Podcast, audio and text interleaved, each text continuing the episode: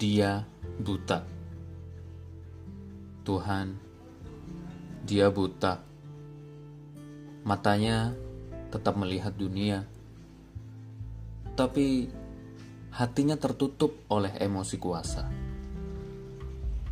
Tuhan, entah siapa yang dapat menegurnya, hanya Engkaulah yang mampu melakukannya.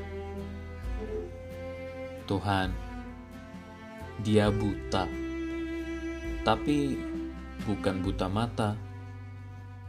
Ia dibutakan oleh jiwa yang ingin berkuasa.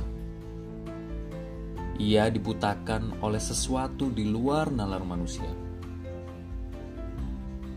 Ia dibutakan oleh rasa jumawa. Ia dibutakan oleh situasi yang mendukungnya. Ia dibutakan oleh wibawa. Ia dibutakan oleh baju kebesarannya. Tuhan, tak satu pun dari manusia mampu menyentuhnya. Bahkan sedikit sentilan pun Tuhan tak mampu menggores apa-apa. Meskipun ia berada di garis yang ada, tapi kebutaan tetap menutupi jiwanya.